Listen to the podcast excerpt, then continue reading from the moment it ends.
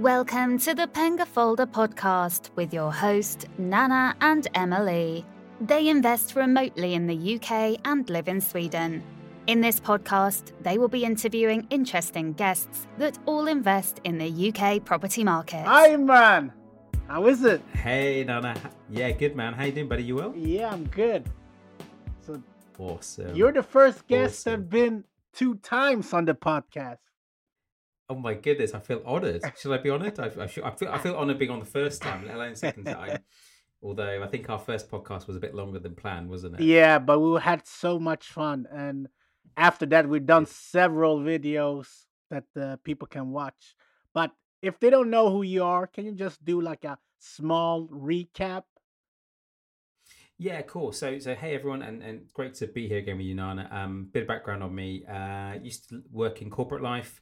Uh, got made redundant um, about eleven or so years ago, and went into the world of property. Um, but I've been very lucky that I sat in planning committees through local authorities for many years, for over a decade, and learned a lot about how local authorities work from the inside out. So seeing it from the planning side rather from rather than the developer side. Um, but being very lucky to sort of invest in development projects and uh, mentor and coach people from all over the world, which has been a real pleasure and honor. So hope that gives you a bit of an insight. Yeah. Uh, lastly, just two beautiful kids, um, cheeky wife uh, that keeps me in check, and that's probably me and you, Nana, as well.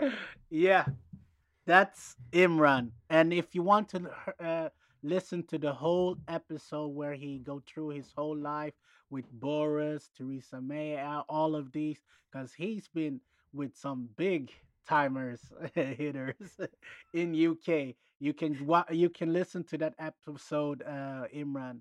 Yeah.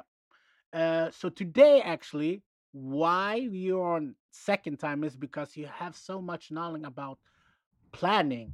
So we're gonna pick your brain, or I'm gonna pick your brain about planning. So what is planning for people that's not aware of planning? Can you tell them? Yeah, yeah, of course. Yeah, I mean, and obviously, just for everyone listening, and obviously, I'm not a planning consultant. I'm just very lucky that I spent all that time, you know, working with planning officers and voting through, or you know, small extensions, extensions to voting through where we build, you know, the next hundred thousand homes in a, in a part of the UK. Um, so it's a fascinating experience. But in terms of what is planning, planning itself is that when you go into the UK property market, if you're looking to do sort of internal refurbishments of the property, you don't necessarily require planning permission for that. However, if you just consider that anything that you're going to do external, so if you're going to do an extension on a property or you're going to build something new, you're going to need to go to a local authority, so like a district or borough council or unitary council, and you're going to need to apply for a form of planning permission because you can't just go and build it. It needs to comply with certain regulations. You know, I know Nana in Sweden, like, you know, your properties are very different to how they are in the UK. And you know, we've got some pretty old properties here. You know that obviously, if you're going to build onto them, you've got to you know do them with the right um, care. So planning is a is a process, is an application process of getting something through, so you can do something. You can't go ahead and just build what you want. You sure? well, well, well, I know some people that have, um, but the ramifications, we'll probably talk about that today. I know people that have done something, but that can lead to lots of issues and could cost you a lot of money to try and fix it. okay. So how does it work with planning? How do you yeah, how do you go about it?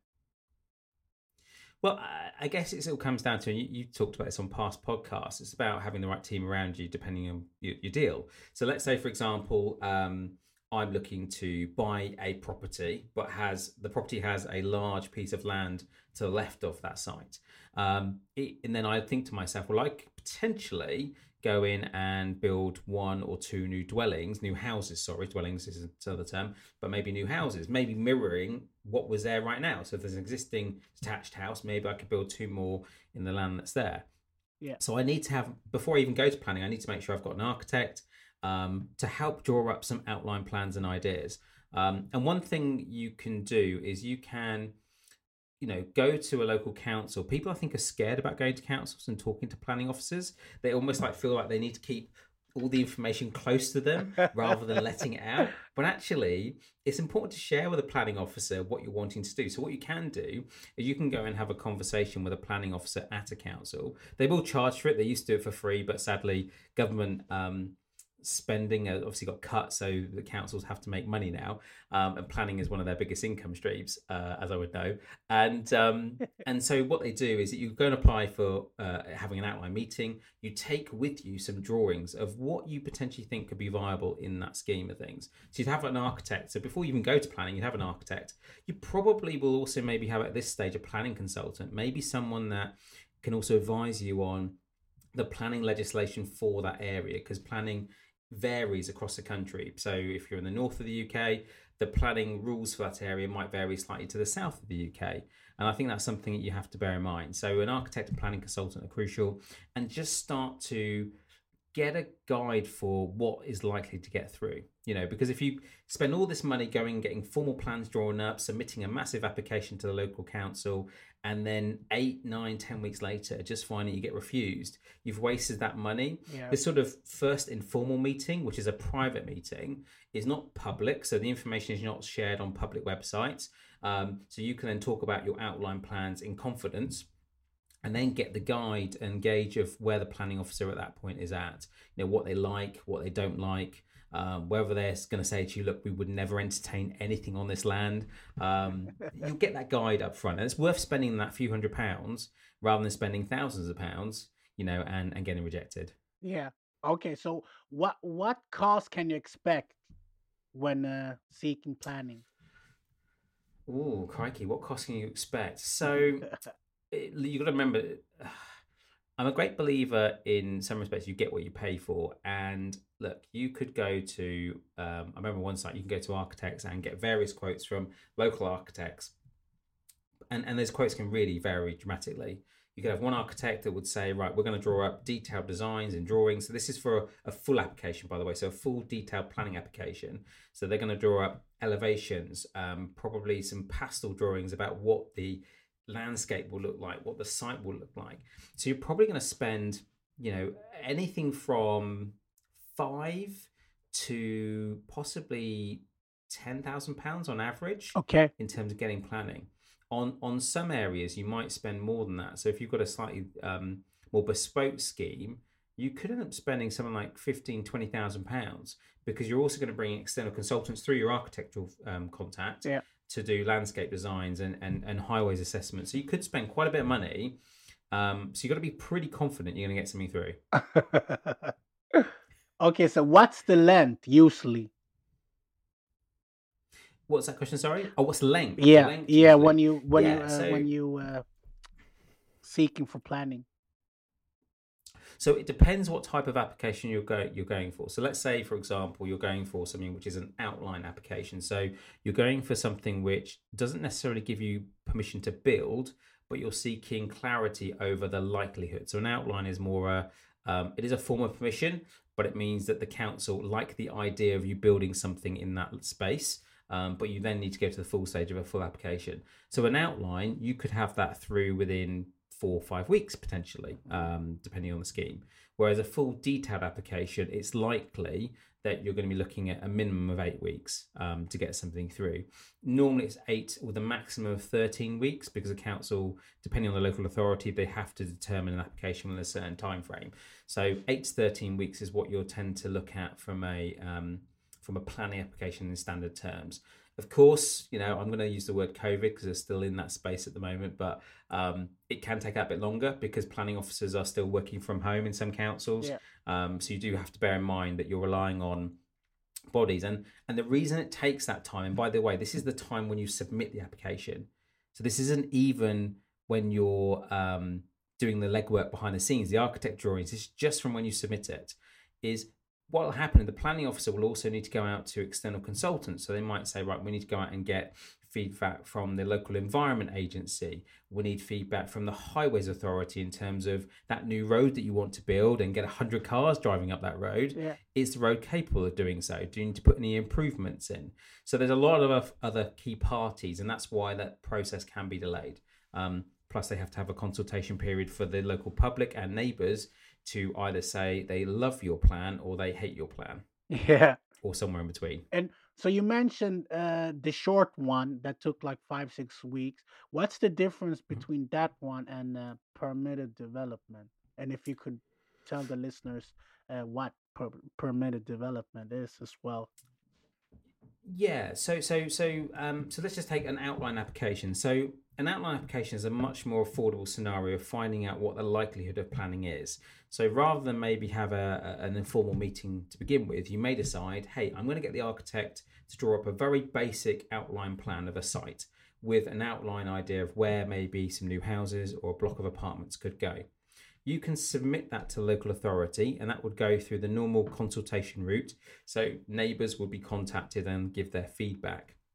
Yeah. So the council will then go through their normal planning process of reviewing the application and seeking would they if this was a full application would they support the outlines concept of it? So it's the conceptual scheme. Okay. so at the end of that process you'll either get um, an approval and that basically means that if you then come forward with a more detailed application you've got much more likelihood of it getting passed. There's still the detail to review but the likelihood is much much stronger. The great thing about that is also that you've added value. This is one thing that people forget. An outline application actually adds value and it could be something that you could sell as an investor. So if you own the land, you've got outline planning, you could sell that onto a larger developer for them to go and develop because they've got some more confidence that the likelihood is possible. Um, Yeah. So that's that's an outline.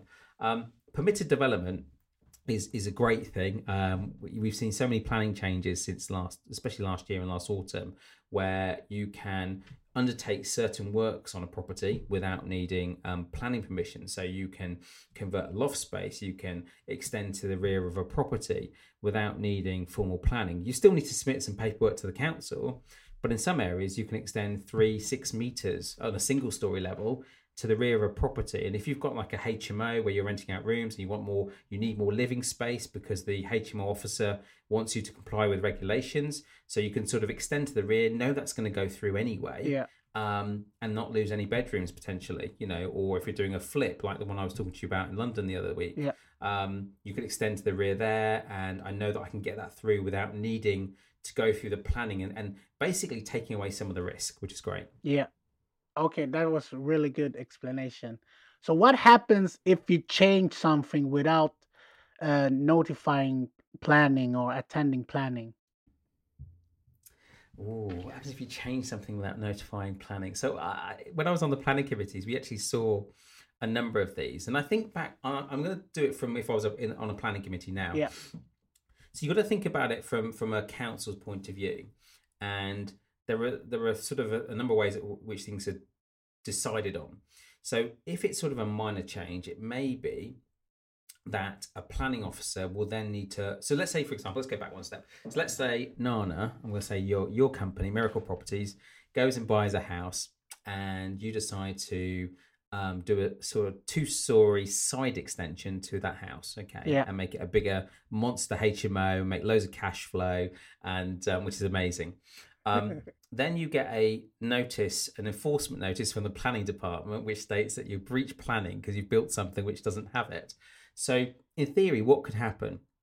You've got a few options. You can you can then apply retrospectively to the council. So you could apply for planning, and you know, um, as you would normally, as if you hadn't built it, and then the planning department need to then assess the scheme and say, okay, if this wasn't here, would we have let this happen?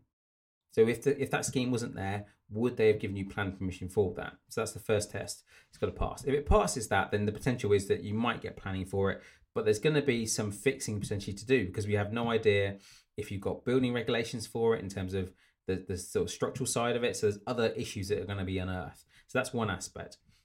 A council could come back and say, um, we don't like it, you know, knock it down, you know, get rid of it.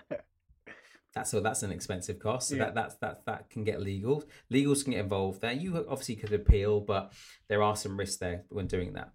The other aspect is where maybe the planning officer would normally decide internally what they want to do.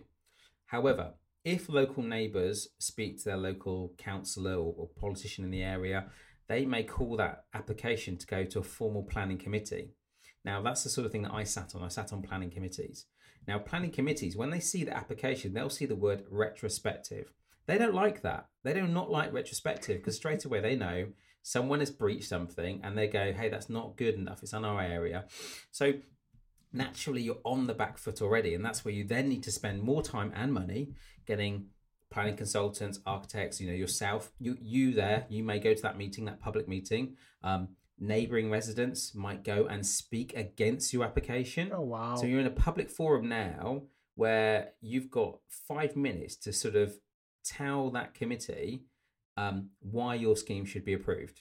Okay. You then also then got people who are speaking against the application that also have five minutes, um, and they will be telling it, saying to the uh, committee why it should be refused. So the risk is if the committee side with um, uh, the residents, you know, and emotionally get involved, they've still got to have planning reasons. Yeah. But if emotion takes over and they side with them, that that's risky. So yeah, I, I would say be careful. Wow. um, having said that, one thing I will say is in some councils, um, and in planning law as well, if you've done something to a property and the local authority hasn't noticed that for a number of years, and it can vary from council to council and, and legislation, then there is the potential that you could get it through without needing. You still need to apply potentially, but you could get it through um, under what we call certificate of lawful use. So it means that it's been in place for a number of years, so the council will recognise it as existing. Um, but I would still suggest you need to put in some sort of legal documentation with the council because if you want to sell that building in the future, Yeah. there's going to be a planning check done, and if there's no documentation for it, there's going to cause issues for you getting out that deal at the back end. Yes, exactly. Okay, so how long does planning hold before you need to extend it? Um, once you've got um, permission, you mean? Yeah. So if you've got permission on something. Yeah. So let's say, for example, um, no, no, I'm, I'm going to use your example of your your awesome HMO. So let's say, for example, you've got permission to ex- do a two story extension, and um, and that permission's granted in March, you know, 2021. So normally, in the conditions of the application, you'll normally have somewhere around three years to commence the work, and that could be digging the footings and the foundations out and starting to do the external shell.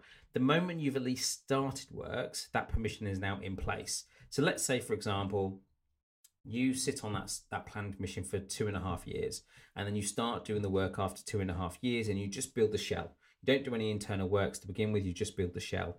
Now, in that respect, that's fine. You know, you have permission. You've done what you need to. But if you get to the three years and you haven't done anything, then sadly you'll just have to resubmit a new application. It could be the same application, but you'll have to then spend some more money submitting the same application again, um, and uh, and then getting approved hopefully, and then carry on doing the work. So three years Okay. is a normal term. And and if let's say if they say no, can you appeal? Okay, so if if if well in any scheme, yeah. So if for example, um, a planning application is refused by a local authority, and I think back to the site that we acquired, um, uh, which was the 19 unit conversion deal that we're doing. So that one went through a whole process where it was refused, refused, refused, refused, had to go to appeal and then got approved um, at appeal. So you can appeal um, to what we call the planning inspectorate. They're based, I think they're still based out of Bristol, um, and that's an independent inspectorate. And what will happen is an inspector will come and be allocated to your planning application, and they will come and assess the site. At that point, you will need to put a robust argument of why your application should be approved, and the local council, the local authority, will also do the same. They'll put a, they'll put their viewpoint about why it should still be refused, even though it's been refused before. They'll put more weight on the bone, more meat on the bone, to try and um, keep that refusal in place.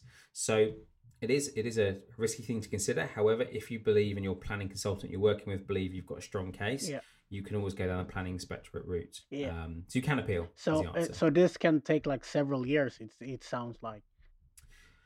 Um, I think it depends on the, the the scale of the development. I think if you're if it's a sort of smaller one, then you could find within a few months you've got a site visit by the planning inspector, um, and then decision pretty quickly after that process of that site visit. Um, however, if it's a larger scale development, it can drag on. You're right. You know, if you're talking multi multi units, you know, multi million pound development, then yes, the whole process can drag on potentially. So- um, if you're looking at you know 100, 200 300 units. Um, you know, you might have inspectors coming to assess overall plans and schemes, and yeah, that that can take a long time. But but other sites, you know, a few months you'd have it hopefully done, um, and you just have to say, is it worth it? Yeah. You know, is it worth it? And it might be worth the the pain of going through the process. Yeah, and let's say if you you doesn't ag- agree with the with the council, will it just drag on back and forth to to one of either one of you uh like uh say yes or just leave it? So if Or um, is so or is for it or is it another level that maybe you can go after let's say if you're arguing with them back and forth, is there another level higher above hmm, above them or that's the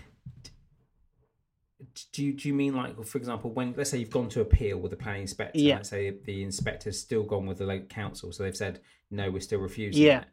it. is there Really, another you're sort of one at that point. uh, above them? there you could go to yeah you could go to you could sort of try and go to high court and, and judicial side of oh it wow. but that's going to be one really expensive. Yeah um and uh, i think on the grand scheme of things with some of the smaller sites it's not worth doing. No. Not worth doing. Okay. The, the, the what you should maybe do then you if you get to that stage you may decide rather than actually going to appeal if you've got refused is it worth going to appeal or is it worth going back to the drawing board sitting down with a planning officer who refused your scheme and sitting down with them and saying okay you refused it.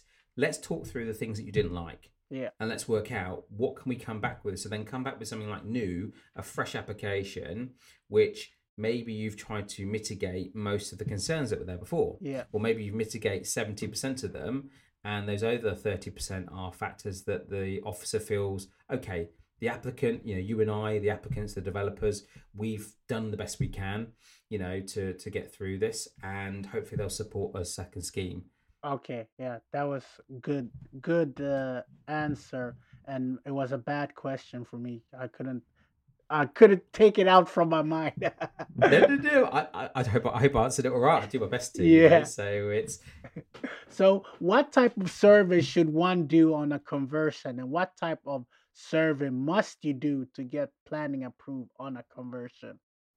So that's like a two question in one Yeah, so on conversion, so you you need to um so on conversions you need to do much more detailed site survey. So you need a you know a structural survey on the building to be absolutely ascertained because you've got to think about what you're doing to it.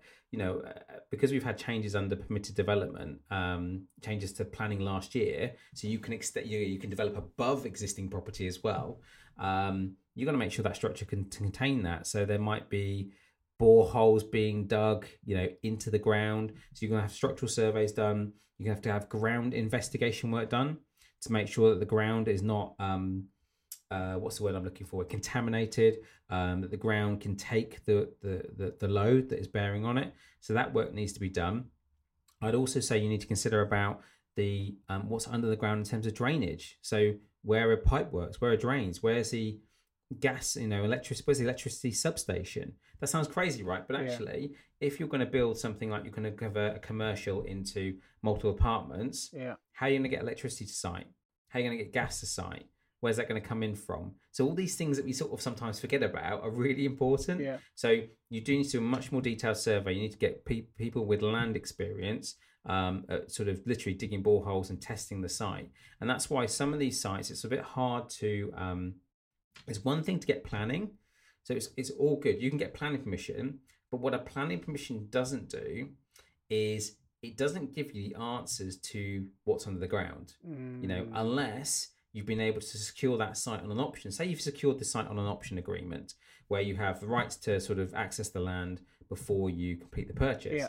You go and do your research beforehand, you get the boreholes dug so you understand what you're dealing with and if there's going to be any risk to you as a developer. Um, and then you go in for planning. But other ways, you go in for planning, but you actually haven't dug those holes yet. So it's really hard.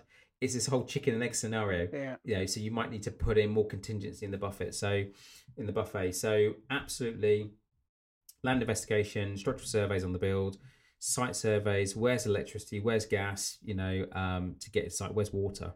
You know, where's drainage? Where's sewage? Just because we've got to get stuff off site as well. Yeah. So ma- uh, you mentioned contingency. Uh, how much do you put in Mm. in your contingency when you're doing like Oh, when contingency. It, it, it it really it, it really varies because a lot of the larger ones work on a fixed price contract, so they are deemed on a fixed price contract. And because of the way that larger development is structured, you normally get what we call a development loan Yeah. from a lender. So you've got a quantity surveyor that is coming to assess the build as it's being developed. So if you can imagine there are, let's say it's a 12 month project, and every month that QS is coming to see the site and make sure that works have been done up to date. Yeah. So so in effect, you're paying the builder up front and then you're getting the money back from the development lender. Yeah. Because they're coming to assess the site, say, yes, it looks good. The builder has spent what they said they will spend, and then take the next step. So um, to come back to your um, your question, contingency. I think it does depend on the site, but certain sites, um, I've known developers that have only worked at sort of a five percent contingency wow. because of the fixed price contracting. Yeah. Of course, you know I would try and work a bit higher than that, sort of the twenty percent mark, um, especially on some of the conversions, because you just got to be safe. You've got to be careful, um, and that's contingency across the build. You might put contingencies in there across some of your professional fees, um, because again, there's going to be other aspects around. You know, when you start digging out, things might appear, and so things might have to change. You know, I was talking to um, the team uh, last week on the conversion deal, and being that we lost time on the project because, of course, there was lockdown, and then so there was no build teams on site. They were talking about right, we're going to have originally they were looking at like an eight month delay on the build, Yeah. which is obviously frustrating. It's costly, but we've managed to sort of the team have managed to save that down to four months of delay because of changing the type of steel frame construction we're going for. So some alterations in the plan mean we can make savings along the way. But of course, that's why you need to have. Then there's going to be more cost on paying consultants to come in and do some more calculations in order to say, can we do a different structure that will then hopefully save us time. Yeah. So overall, it makes sense to do that because the cost and benefit is worth it. Okay. Yep. Uh. Oh, I lost.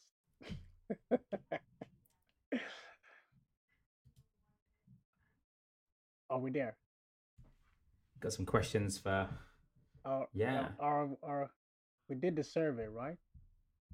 Yeah, we did talk about survey. Yeah. I think we talked about. Um, yeah. yeah, this um, one. Yeah. You wanted. I know you want to ask me about mistakes Yeah. around um, developers and things Okay. like that. Okay. Okay. So, what are the most common mistakes new developers and investors do when applying for planning?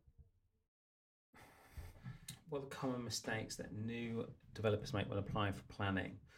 Um, I, I tell you what, I tell you one thing that I think that developers forget about is actually really understanding what the community are going through from a build point of view. So, uh, yeah, just basing this on past experiences. Say, for example, you've found a piece of land that you want to develop in a in a quite a large town or a city, and if you had factored in what other planning applications had been granted or not granted in the last say six to 12 month period. You've got to remember you might be dealing with volatile feelings and emotions. So one thing i think developers forget about is actually if say for example that large town um, has just had a major application come in for two sites one for 200 homes one for another 100 homes and they're all got there they've got their picket fences saying i don't want to support this on i'm angry and then you come in you know, or we come in, let's say, and say we want to do uh, a scheme for 20 homes, we might just tip them over the edge, you know, from uh, from uh, how people. They, honestly, it's so it's so like this could happen. I think that developers forget they sort of look at their site in isolation, Yeah. but don't th- think about the bigger picture. Don't think about the whole area. So I think that's really important when they're doing that. Um, contingency, I think sometimes they don't factor enough contingency in into the build. Um, I think uh, a long time, a long time, I see this on sites where the GDV, so the end potential value, is always too high, too high. So you know, if you're presented the site, say someone's sourcing us a site and an opportunity. Um, it always looks very pretty on paper Yeah. and uh, and very attractive, right? Because the numbers look so exciting. Um, but when you start to drill in, you go, well, okay, you said the sole comparables are this, or these will be worth this much, but I'm not seeing anything selling at you know that price per square foot or that price per square meter. Yeah. So um, I'm then questioning, well, what is it? Is there are there gold taps in each you know apartment, or what is it that's going to get these going? So I think sometimes the the ambition of a high GDV can be really costly because, like you know, you and I know, you make money in the buying. Yes. So if you're paying a premium for that land, thinking that you're going to get this awesome GDV, and then you're stuck, you know, because your build cost is higher than you thought it was. Um, I think that's the, the issue. Um, cheap as well on build. One last thing on that is is where you get multiple contractors in to come and quote for the build. Um, and you just end up going with the cheapest price, which will end up you'll end up spending more money. No matter what, you'll end up spending more money. Yeah. So those are sort of things that I sometimes um, hear about um, and, and and felt as, as well ourselves. Um, the last thing is also factoring in what is around the building. So often they say, right, it's going to cost this much to build um, ten apartments. Yeah. Great, but what about landscaping? What about the road up to the property? What about the car parking spaces? Oh, we didn't get a price for that. We thought that was included in the build. No, no, no. That might not be in the build. So it's important to factor that into the grand scheme of things. Okay. And what what about experienced investors? What about experienced investors? What yeah, they yeah. miss? What mistakes do they do Um, that you're seeing? Or all, or, or all right? of them like perfect? Oh, I'm sure. I'm sure they're not perfect. I'm sure they're not perfect. So, um, it's a difficult because I'm very lucky that I've met some some of the big developers. You know, I had a goal a few years ago to meet. Um, uh, I've always wanted to meet a guy called Tony Pidgley. He's passed away sadly now, but he um, was the founder of Berkeley Homes, and I got to meet him a few years ago. Amazing guy, and um, obviously built that business from from scratch years ago. Um, but what do big developers do? Where are the mistakes there?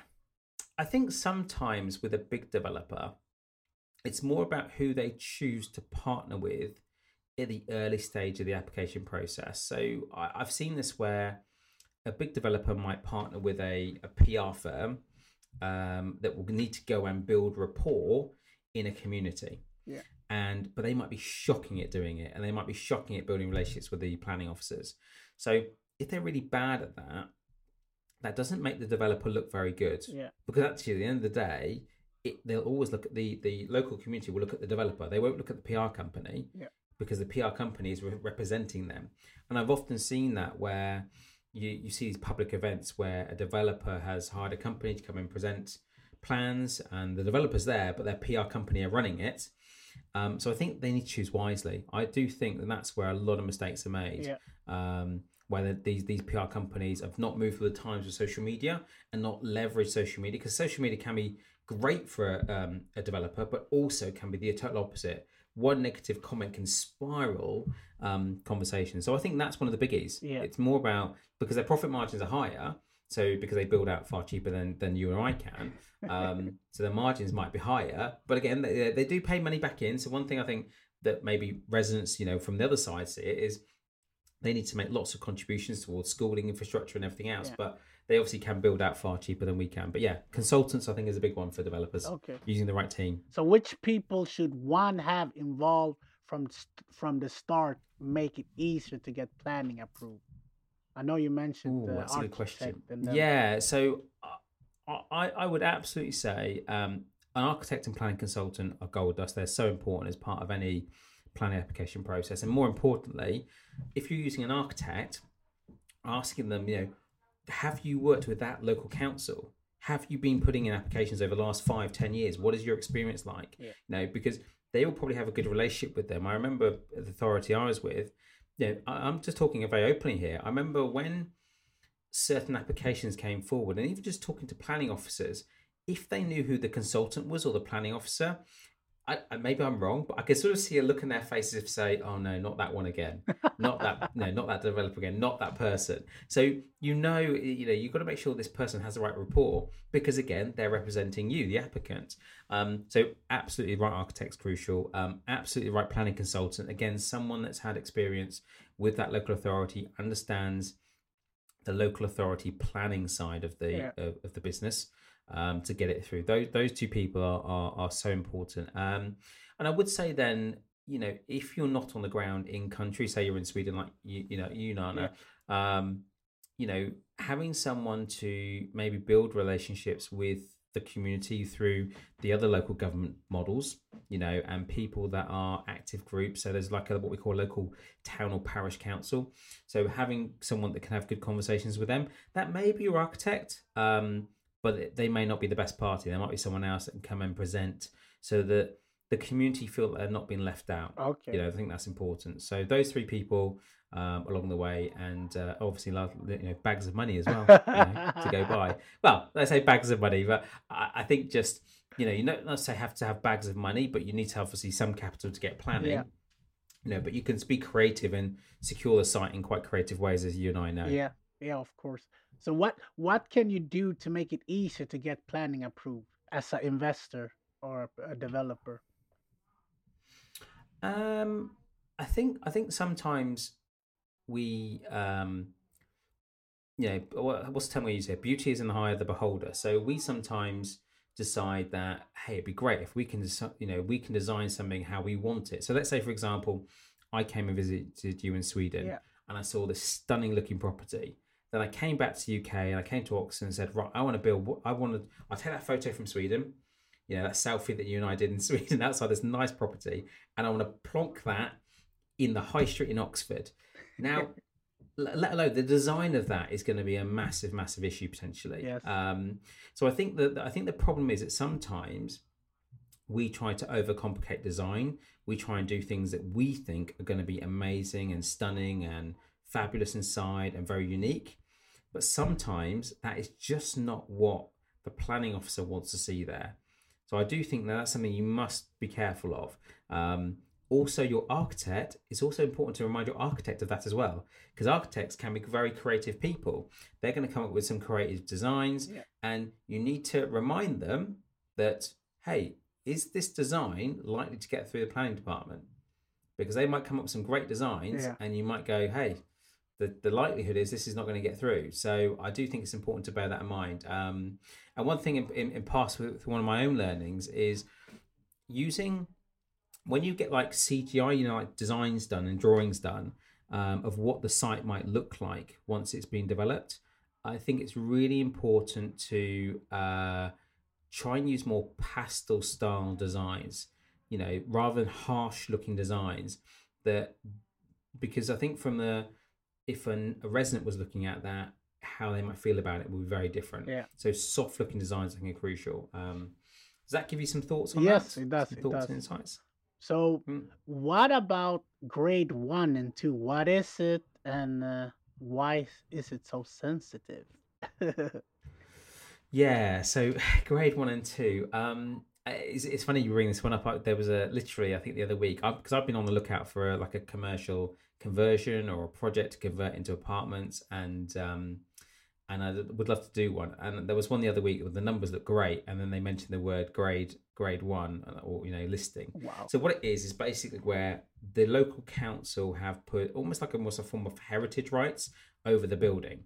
So it means that not only when you go through planning permission is it going to be a damn sight harder, you're going to have to go through the listed buildings team at the local authority because it basically means you cannot take down those walls. You can, if you want to adapt it internally, you need to check that that wall can be taken out. It can be done. You may not. You may have to replace the windows for like for like windows. Mm, So, for example, if you've got a beautiful original wood stained glass window in a in a property, um, the council will say, look, you can do the works to this property, but that window needs to be replaced like for like. Then you've got to find a company in the UK that can manufacture that, and you can imagine that's gonna- there's not going to be many of them around, and they're going to charge quite a bit. So what grade one and two is is basically around the listing and protection of of property with value and of a heritage and with sort of that side of it. So um, I would always say if you're considering going into this and you're new to property, personally, I would avoid a grade one or two on your first deal. Yeah. I just think it's too much risk um, going into it. Um, I remember years ago, I went and saw a site in London. Uh, a friend of mine was project managing a build for a very wealthy, I think, prince overseas somewhere. Um, and it was a really nice part of Knight- I think it was Knightsbridge from memory. This build, and it was conversion of an existing terraced house into luxury apartments, like penthouse apartments. Absolutely stunning. Yeah. But it was a listed building. Okay. Now they, from memory, I think there was um, some walls taken out in the basement that shouldn't have been. And obviously, the project manager told the client that we can't take these walls out, can't take these walls out. And that client said, just do it anyway. and um, obviously, didn't want to. So I think I think he left the site. I think someone else came in, but they did do it. Um, that is that is a whole legal ramification. I mean, the council will absolutely come after you legally for it. Yeah. You probably have to pay a lot of money. and they have money back. the- the- Yeah, yeah. Well, it's a, I think it is still challenging for councils, but the problem with the, the, the likes of the Prince is they've probably got more money than they ever need. So they'll probably just say, fine, sue me, you know, give me a massive bill and I'll, I'll pay it. Yeah. Um, but sadly, that building then has lost its its appeal and its its history. So yeah, that's what grade one and two is.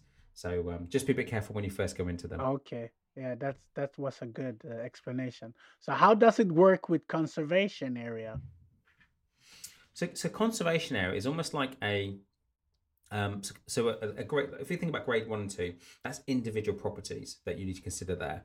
Conservation area is almost like um, a street or a series of streets in a location that uh, could have um, conservation order on it, which means that if you want to again almost like change like windows and doors or frontages that they may need to apply to the conservation officer um, and get some feedback on that before you can do that. So if you're going for planning and it's in a conservation area, the conservation officer, because they call someone that works at the council an officer, they will need to um, assess that application and they'll look at it from more of a design aesthetic as well. Now, how will this affect the conservation area? So it's more about developments in, say, maybe more rural locations or areas where there's um, uh, you know sites and parks of of historic merit. So again, you may be forced, or there might be requirements in the planning permission that you need to change um, windows, doors, or structures like for like. So it can still increase your build cost. I wouldn't say don't be put off doing a, a I think a scheme in a conservation area, but you just need to be aware to have the right conversations with your planning consultant and and possibly even a meeting with a conservation officer. You know, if need be on site. Okay. So uh yeah, sorry for that. It was just Emily that came. E- E- Emily's coming Yeah, in. She's like, I need some work too. yeah. Okay. Uh, next question then. Uh, as an investor, which planning is the best? As an investor, which planning is the best? Was this one of the questions you got asked from your community? Um, ooh. As an investor, which planning is the best? I, guess this question means around what type of strategy, possibly. Um, would that be a fair? Yeah, or I, I guess, uh, yeah, I think so. Or if they just be I- permitted development, or Yeah, maybe then. Yeah, I mean, for me, from from a um, from a risk point of view, if you're looking at a site, if if a site's got um, if a site's got potential to do something under permitted development, well, that's the the best scenario you're you're going to be in. Um, from from that respect, one thing that is really lucrative right now is um, if you are still keen on the commercial space, is the changes that came in last year. So that's a really lucrative one. Where um, so what happened in September of last year is that uh, a shop, for example, or a bank or a business has a certain planning classification code. So it might be A1, A3, B1. But the government changed in September, so all of them have the same. They're all called E. So it means you could switch between one class to another. So if you've got a commercial unit and it's a shop today, someone else could still move into that premises and turn it into a different type of business um, under that classification. So I think that's quite a lucrative structure. Of course, with a commercial premises, the risks you've got to consider is is the economy yeah, because those businesses only really thrive if the economy is growing and thriving. Um, so that is a consideration. Um, but I would say permitted development is a massive thing because you know rather than if you're looking for that small little flip, so many people commit, competing with smaller flips. You know, whereas if you could buy a building that you know you can convert under PD permitted development, um, and you can maybe sell those or keep those, you've got probably I would say less people competing in the market, in my opinion. Um, you know, maybe some more sophisticated investors, but certainly less newbie investors going into that space. yeah, that's true. So we have come to the end, my friend. Oh wow! So last time I asked you some question, but this time I have switched it up a bit. So, so I took a question from. Uh, I'm a really fan of uh, Tim Ferriss, so I Yeah. took a uh, question from his book and uh, podcast, and then I have one that I've actually usually asked the pod, uh, the guest that I interview that uh, I didn't ask you last time. So yeah, some new, some uh, stolen. So I'm gonna go with the first one from uh, Tim Ferriss. What are bad recommendation you hear in your profession or area of expertise? Oh, that's a good question from Tim Ferriss. It is. I, I, like you, I'm a great fan of Tim Ferriss. He's a real. Um, he really opens your mind in so many different ways. So recommend him to everyone. What are bad recommendations you hear in your area of expertise? Yeah, or profession. In my in my in your profession. So uh, you know, uh, look, I mentor and coach a lot a lot of people, and you know, what do I hear that what do I hear in the industry that um I still to this day, I still to this day hear um a lot around um obviously buying below market value is a massive thing, but what I hear, and I think this is it's a frustration of mine, is that people get sucked into sort of buying deals or looking for deals and they, they need to get what I call every penny out. And this is one thing that really bugs me because I often see it where someone's there, they're, they're running numbers on deals every night. Let's say they're working a nine to five. Every night they're running numbers on deals and they're struggling to find that deal that they want to do because they want to pull every penny out.